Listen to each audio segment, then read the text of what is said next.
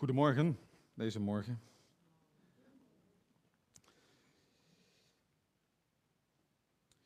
Ik eh, wil voorstellen dat we, voor ik aan de preek begint, een, eh, een moment stil zijn. En, en even dat moment gebruiken om de Heilige Geest te vragen of Hij tot ons wil spreken. Misschien heeft Hij al wel gesproken, misschien heb je Hem ervaren vanmorgen, dat is heel fijn.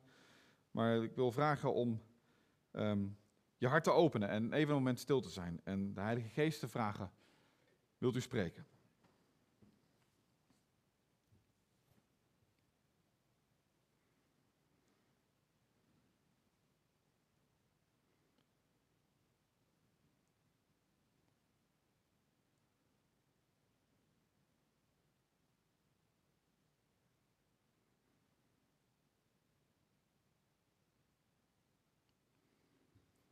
Ja, Heer, mogen de overleggingen van mijn hart en de woorden van mijn mond u welgevallig zijn. Amen. U heeft het plaatje al gezien. We gaan, uh, ja, we gaan vanmorgen verder met Ezra en Nehemia. We zijn bij Ezra nog steeds. En um, tot nu toe ging alles goed, hè? tot nu toe ging alles voorspoedig. En ook, ik, ik geloof best dat je deze preken uh, afzonderlijk kunt luisteren. Dus als je de rest niet gehoord hebt, geen ramp. Het is allemaal volgens mij prima per stuk te horen. Maar ik wil je er toch ook even op wijzen dat als je op eh, YouTube even zoekt naar Evangelische Kerk de Burg, je de preken van de laatste maanden kunt vinden. En dat is uh, niet alleen die van mij, maar ook die van Chris en van Lee. Uh, die staan daar ook en daarmee kun je jezelf nog een keer bemoedigen, maar ook anderen mag je daarmee bemoedigen. Ik kwam een opmerking tegen van Francis Bacon, of Francis Bacon, maar volgens mij is het een Brit, dan moet je Bacon zeggen.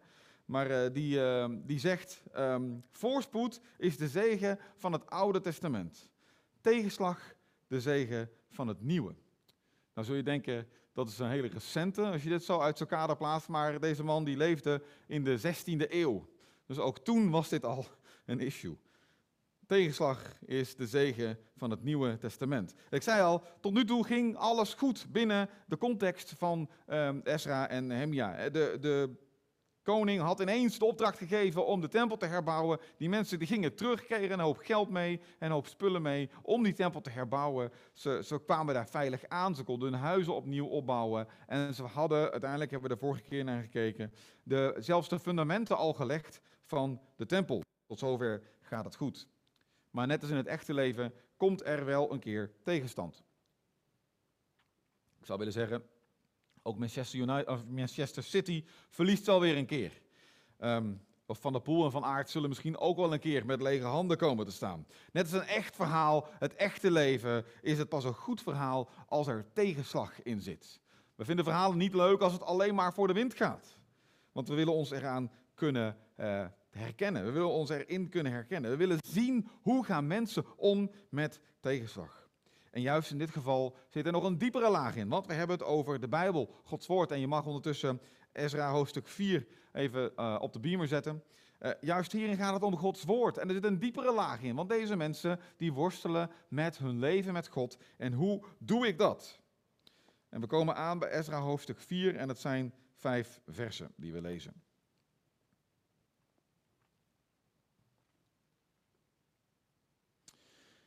De tegenstanders van Juda en Benjamin hoorden dat de teruggekeerde ballingen een heiligdom voor de Heer, de God van Israël, aan het bouwen waren. Zij gingen naar Zerubabel en de familiehoofden en zeiden: We willen meehelpen met de bouw, want ook wij vereren uw God. Wij offerden al aan hem sinds de dag dat Esarhaddon, de koning van Assyrië, ons hierheen heeft gebracht. Zerubabel en Jeshua en de andere familiehoofden van Israël antwoordden hun: Wij mogen niet samen met u een tempel bouwen voor onze God. Wij alleen zullen die bouwen voor de Heer, de God van Israël. Want alleen aan ons heeft Cyrus, de koning van Perzië, deze opdracht verstrekt. Vanaf de tijd dat Cyrus, de koning van Perzië, regeerde tot onder de regering van koning Darius, probeerde de bevolking van het land het moreel van de Judeërs te ondermijnen, hen bang te maken om hen af te houden van de bouw. Ze kochten zelfs raadgevers om, opdat die de plannen van de Judeërs zouden verijdelen. We zien hier ineens tegenstanders. We zien hier een, een, groep bevolking die wordt genoemd. En, en, even voor de kader, voor de context. Deze tegenstanders zijn nieuwe bewoners. Deze tegenstanders zijn mensen die ehm, die eerder al door een andere koning uit hun eigen land waren gehaald. En dat was op zich iets wat daar in die tijd vaker gebeurde als er een, een land werd, werd, overwonnen, als daar een oorlog werd gevoerd en ze hadden gewonnen en de mensen bleven lastig, dan haalden ze op een gegeven moment eerst de koningen en de vorsten eruit en die namen ze mee, soms als sprongstuk van zie je wat, wat voor vorst ik heb overwonnen, moet je mij eens belangrijk zien zijn. En uh, daarmee had je ook meteen de, de geleerde mensen uh, eruit gehaald. Dus de kans op opstand was een stuk kleiner. Maar soms dan bleef die kans op opstand heel groot. Dan wilde het volk maar niet luisteren naar de overheersers. En dan hadden ze een hele slimme, maar een hele serieuze tactiek. Ze namen gewoon een heel groot deel van het volk gevangen en dat vervoerden ze naar een totaal ander land. Dat zetten ze neer in een compleet voor hun wildvreemd land. En zo gebeurde dat hier ook. Die werden gebracht naar Israël. En daar in dat nieuwe land was men helemaal niet bezig met een opstand te leiden. Men was bezig met hoe kan ik hier overleven? Waar kan ik wonen? Hoe kan ik zorgen dat ik eten en drinken heb? Hoe kan ik zorgen dat ik een veilige situatie heb voor mijn kinderen? Het is een hele effectieve methode om je zo helemaal compleet uit je eigen omgeving te halen, in een heel nieuw land te worden geplaatst en daar maar het te lekker te moeten uitzoeken. De kans op opstand neemt daarmee dramatisch af. En deze mensen zijn dus al eerder naar Israël gedeporteerd. Daarin uh, zijn ze naar Israël gebracht. En, dat is hetzelfde lot als wat Israël uiteindelijk ondergaat. Israël, we, noemen dat de ballingschap, maar die worden uiteindelijk gewoon meegevoerd, gevangen genomen. Een groot deel van de bevolking wordt gedood en een ander deel wordt meegenomen en die worden naar Babylon gebracht in dit geval. Dat is belangrijk om te weten, want we, we, dit zijn mensen die worden genoemd tegenstanders. En in die tegenstanders, daar, daar, daar, daar is iets vreemds aan de, aan de gang. Zij zeggen, wij willen meehelpen. Wij willen meebouwen. Wij willen samenwerken. En, en voor ons klinkt dat een beetje als, wat doen ze nou kinderachtig joh? Willen ze niet samenwerken met deze mensen? Wij vinden dat we met zoveel mogelijk mensen moeten samenwerken. Misschien willen wij zelfs wel samenwerken tot op zekere hoogte met mensen van een andere religie. Dat, dat moet toch allemaal kunnen? Dat is toch allemaal niet zo erg om een samenwerking aan te gaan met andere mensen? Dat moeten we juist voorstaan. Is het geen schoolpleingedrag? Weet u, vroeger, mijn broertje, die is een jaar en een half jonger dan ik, die had altijd de voetbal. Dat was de voetballer. En dan gingen we wel eens samen voetballen. En als het dan niet naar zijn zin ging, dan pakte hij de bal op en zegt, het is mijn bal, en liep hij naar binnen. Spel gedaan. Dat gedrag, dat, dat is een beetje wat we ervaren hier, toch? Zo van, ja, wel heel kinderachtig. Kleutergedrag. Of, of misschien een vorm van nationalisme. We zijn trots op ons eigen volk, eigen volk eerst. Wij gaan die tempel bouwen en jullie lekker niet.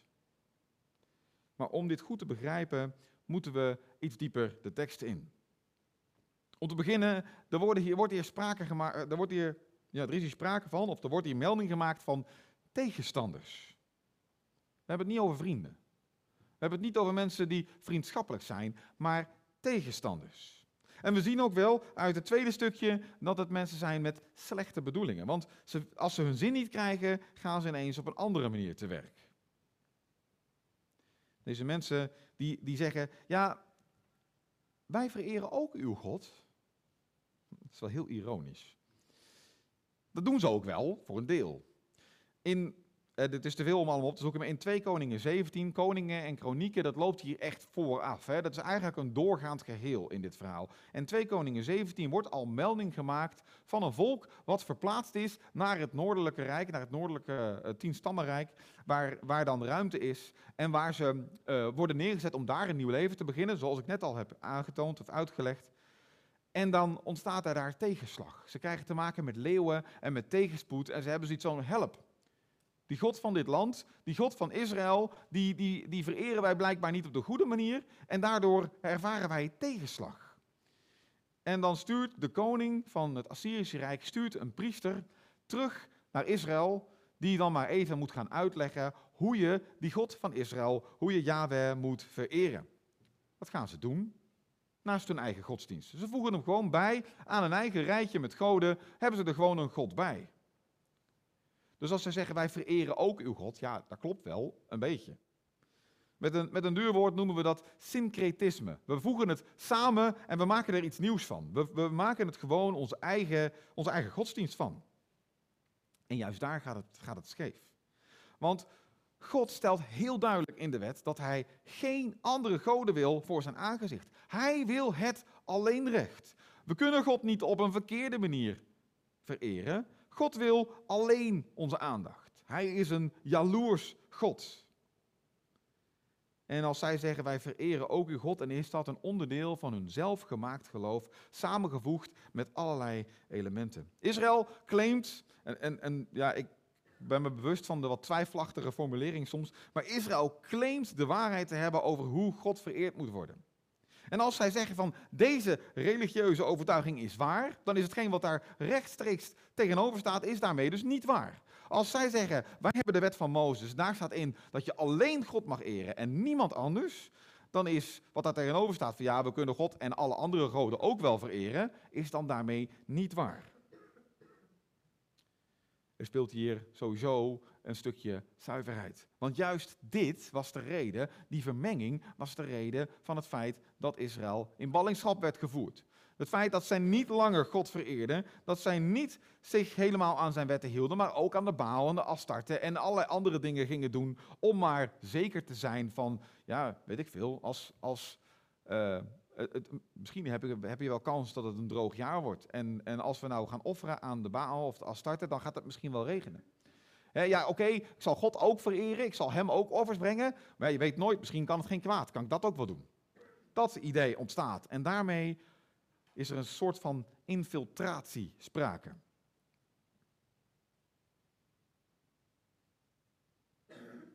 Weet u wat belangrijk is waarom dit niet mag? Waarom dit een, een, een punt is waarin de Israëlieten terecht zeggen: wij mogen het niet.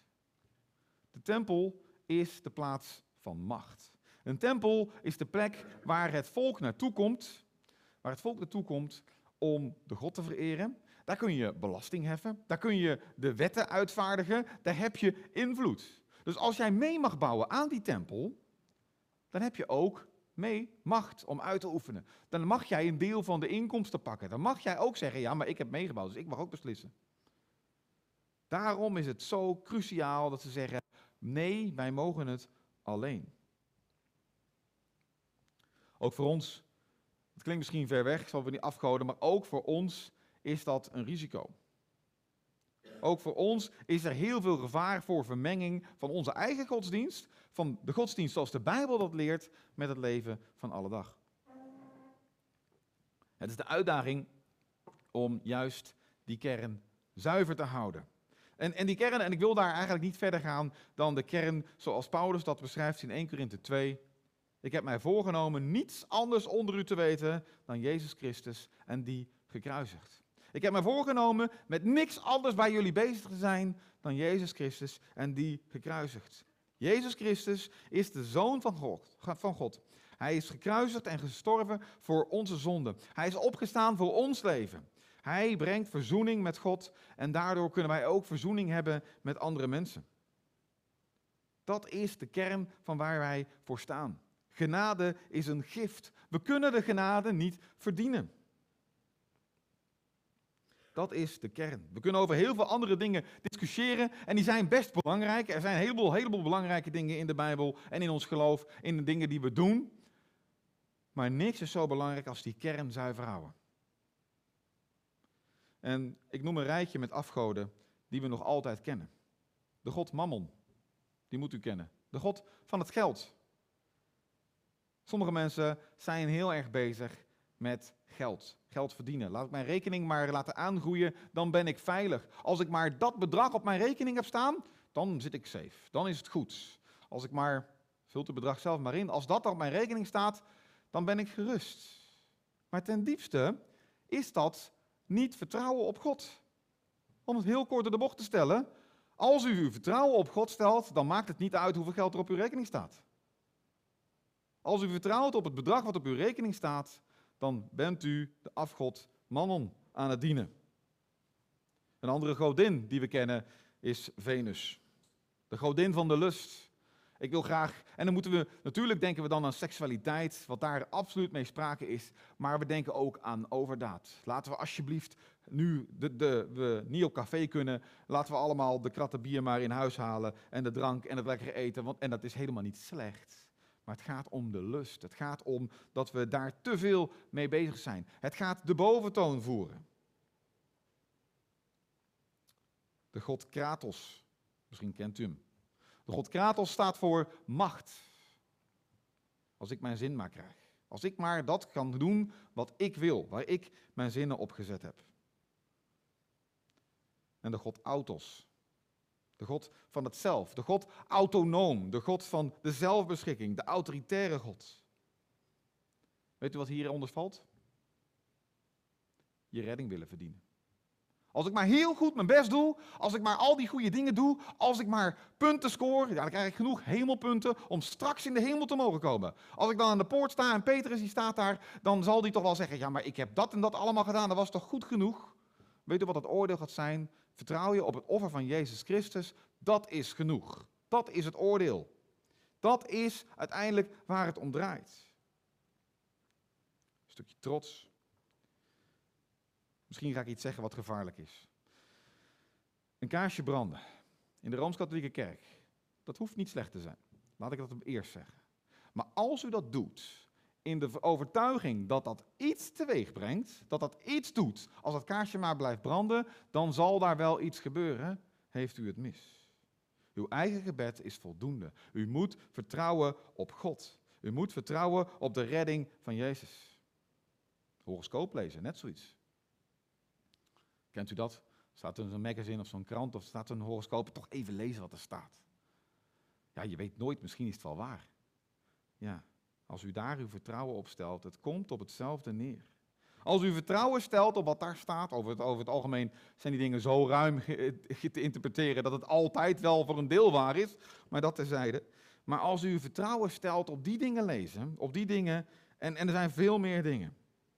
En ik ben ervan overtuigd dat de Heilige Geest op dit moment ook dingen wil aanspreken. En zeggen van ja, dit is jouw afgod. Dit is jouw mammon, jouw Venus, jouw Kratos, jouw Autos. Zelfs angst kan hieronder een afgod zijn. Weet u dat? Angst een afgod kan zijn? We houden de angst vast. Johannes zegt in een van zijn brieven: de liefde drijft angst uit. Als je in Christus bent, is er geen angst meer. Wauw. Geloven is ten diepste jezelf overgeven. Jezelf aan God toevertrouwen en zeggen, u weet hoe het zit. En dan hebben we het best wel heftig vanmorgen met alle dingen die ik even genoemd heb. Want ook in mijn leven, en ik zal het u eerlijk zeggen, ook in mijn leven zijn er momenten dat ik denk, ja, die bankrekening gaat wel heel hard naar beneden. Hoe ga ik dat redden? En dat zijn momenten waarop ik niet vertrouw op God. Waarop ik niet vertrouw op zijn voorziening. Het zijn momenten waarop ik het allemaal zelf wil doen. Het zijn momenten dat ik niet vertrouw op hem. Ik wil nog even van deze tekst zitten een aantal aspecten in die ik er ook uit wil lichten. Er zit namelijk een tactiek van de tegenstander achter. Een van die tactieken, daar hebben we uitgebreid bij stilgestaan, is infiltratie. Natuurlijk zetten we niet een mammonbeeldje en een Venosbeeldje en een beeldje van Kratos en auto's neer in ons huis. Dat doen we, dus hoop ik toch, doen we dat niet. Maar het zit in het stukje infiltratie. Dat we in ons denken worden aangetast en, en dat die randjes ervan afgeknabbeld worden, zodat we steeds dichter bij die kern komen. En als die kern van ons geloof is aangetast, dan staat alles op wankelen. Die infiltratie, daar begint het mee. En daar wordt heel terecht hier gezegd, halt, stop, niet verder. Dit kan niet, dit gaan we niet doen. En dan denk je, dan zijn ze er vanaf. ze hebben gezegd, we mogen het alleen, en dan druipen ze een beetje af. Maar in de tekst in vers 4 staat, de tijd dat Cyrus, de koning van Perzië, regeerde tot de regering van Darius, dat is bijna 20 jaar. Bijna 20 jaar is er sprake van een andere tactiek. De tactiek van ontmoediging.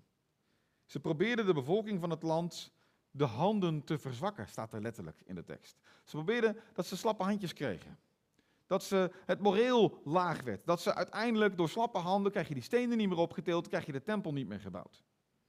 Dat, het moreel wordt aangetast. Er wordt hun bang gemaakt. Ze worden bang gemaakt voor van alles en nog wat.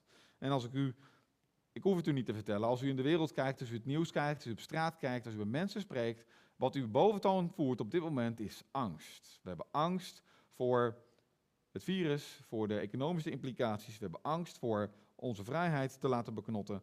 Angst voert de boventoon. En ik heb het al gezegd, de liefde drijft angst uit. En als laatste, onder die ontmoediging, gaan ze door met omkoping van de raadgevers. En dat klinkt heel simpel. Maar stelt u zich eens voor dat je je vertrouwen stelt op iemand waar je goed vertrouwen in hebt. Dat is een wijs iemand en die is omgekocht. Die geeft jou dus valse raad.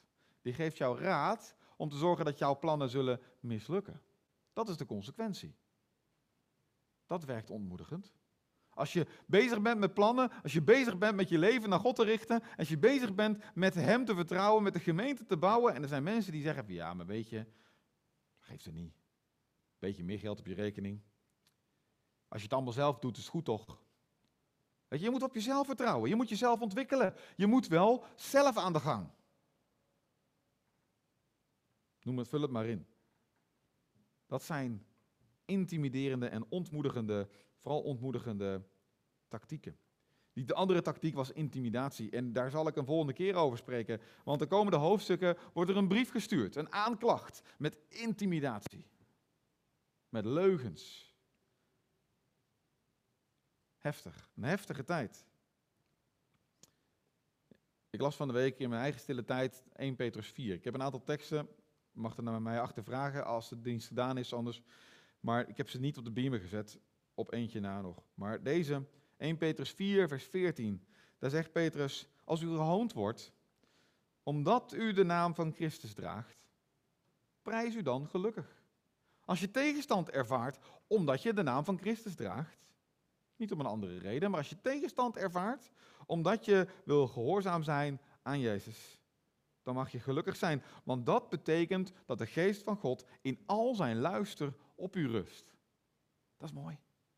Als je tegenstand ervaart en je worstelt daarmee en je denkt van help Heer, hoe kan dit dat, het nou, dat ik dat nou zo ervaar, dat ik hiermee worstel, dat dit in mijn leven speelt? Dan zegt Petrus, dat is gewoon een teken dat de geest van God in al zijn luister op je rust. Ik vind het prachtig. We gaan, er is een antwoord van God op de tegenstander.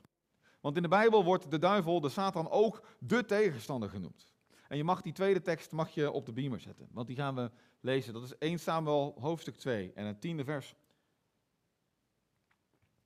Um, dat staat in een lied, een loflied van Hanna. Hanna, de mama van Samuel, die uiteindelijk dus door, de, door in de tempel te komen de belofte krijgt dat zij een zoon zal krijgen. En daar staat dan deze profetie. Wie het opneemt tegen de Heer, dat is dus de tegenstander. Wie het opneemt tegen de Heer, wordt gebroken. Vanuit de hemel dondert hij hun toe. De Heer spreekt recht over heel de aarde. Hij geeft macht aan zijn koning en verhoogt het aanzien van zijn gezalfde. Weet u wat Gods antwoord is op de tegenstander? Jezus. Jezus is de gezalfde koning. Jezus is degene om wie het allemaal draait. Jezus is de Zoon van God, de levende. En elke knie zal zich eens voor hem buigen. Wat is dat een belofte? Wat is dat een, een, fantastisch antwoord van God om te horen? En weet u, ik had het er pas met Lia over. Van, wat is nou eigenlijk belangrijk? Dit is belangrijk om keer op keer te horen in ons leven. Om steeds opnieuw te horen, misschien wel zondag aan zondag. Waar draait het om? Dat we ons vertrouwen moeten stellen op Jezus Christus, de Zoon van God, de gezalfde koning. Daar draait het om. Ik wil afsluiten met een gebed.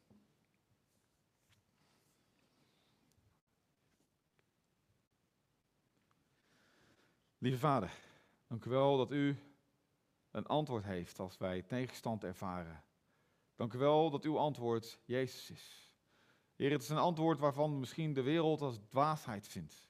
Heer, maar het is uw wijsheid. Dank u wel, Heer Jezus, dat u de levende bent. Dat u gestorven bent, maar niet dood bent gebleven, maar dat u de levende bent. En dat u ons in ons midden wil begeven. Of we nou hier in de zaal zijn of dat we thuis zijn, Heer, dat u bij ons wil zijn. Dat u uzelf wil openbaren aan ons. Heer, als wij in ons leven te maken hebben met tegenstand, of als we misschien geïnfiltreerd zijn in ons leven, in ons denken, en, en misschien wel tot de conclusie gekomen zijn dat we ruimte hebben gegeven aan afgoden, Heer, dan willen we dat beleiden. Dan willen we daarvoor onze, onze zonde, onze schuld beleiden en vragen of u dat wilt vergeven. En we danken u voor de vergeving en de genade die mogelijk is door Jezus Christus.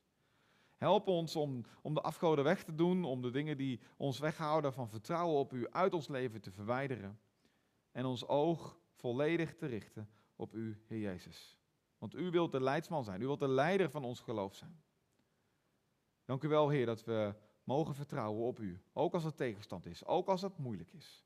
Dank u wel voor de voorbeelden, voor de mensen die hier voorop zijn gegaan en rein zijn gebleven, puur zijn gebleven, die trouw zijn gebleven aan u. Waardoor wij uw woord hebben, waardoor wij uiteindelijk ook Jezus konden omarmen.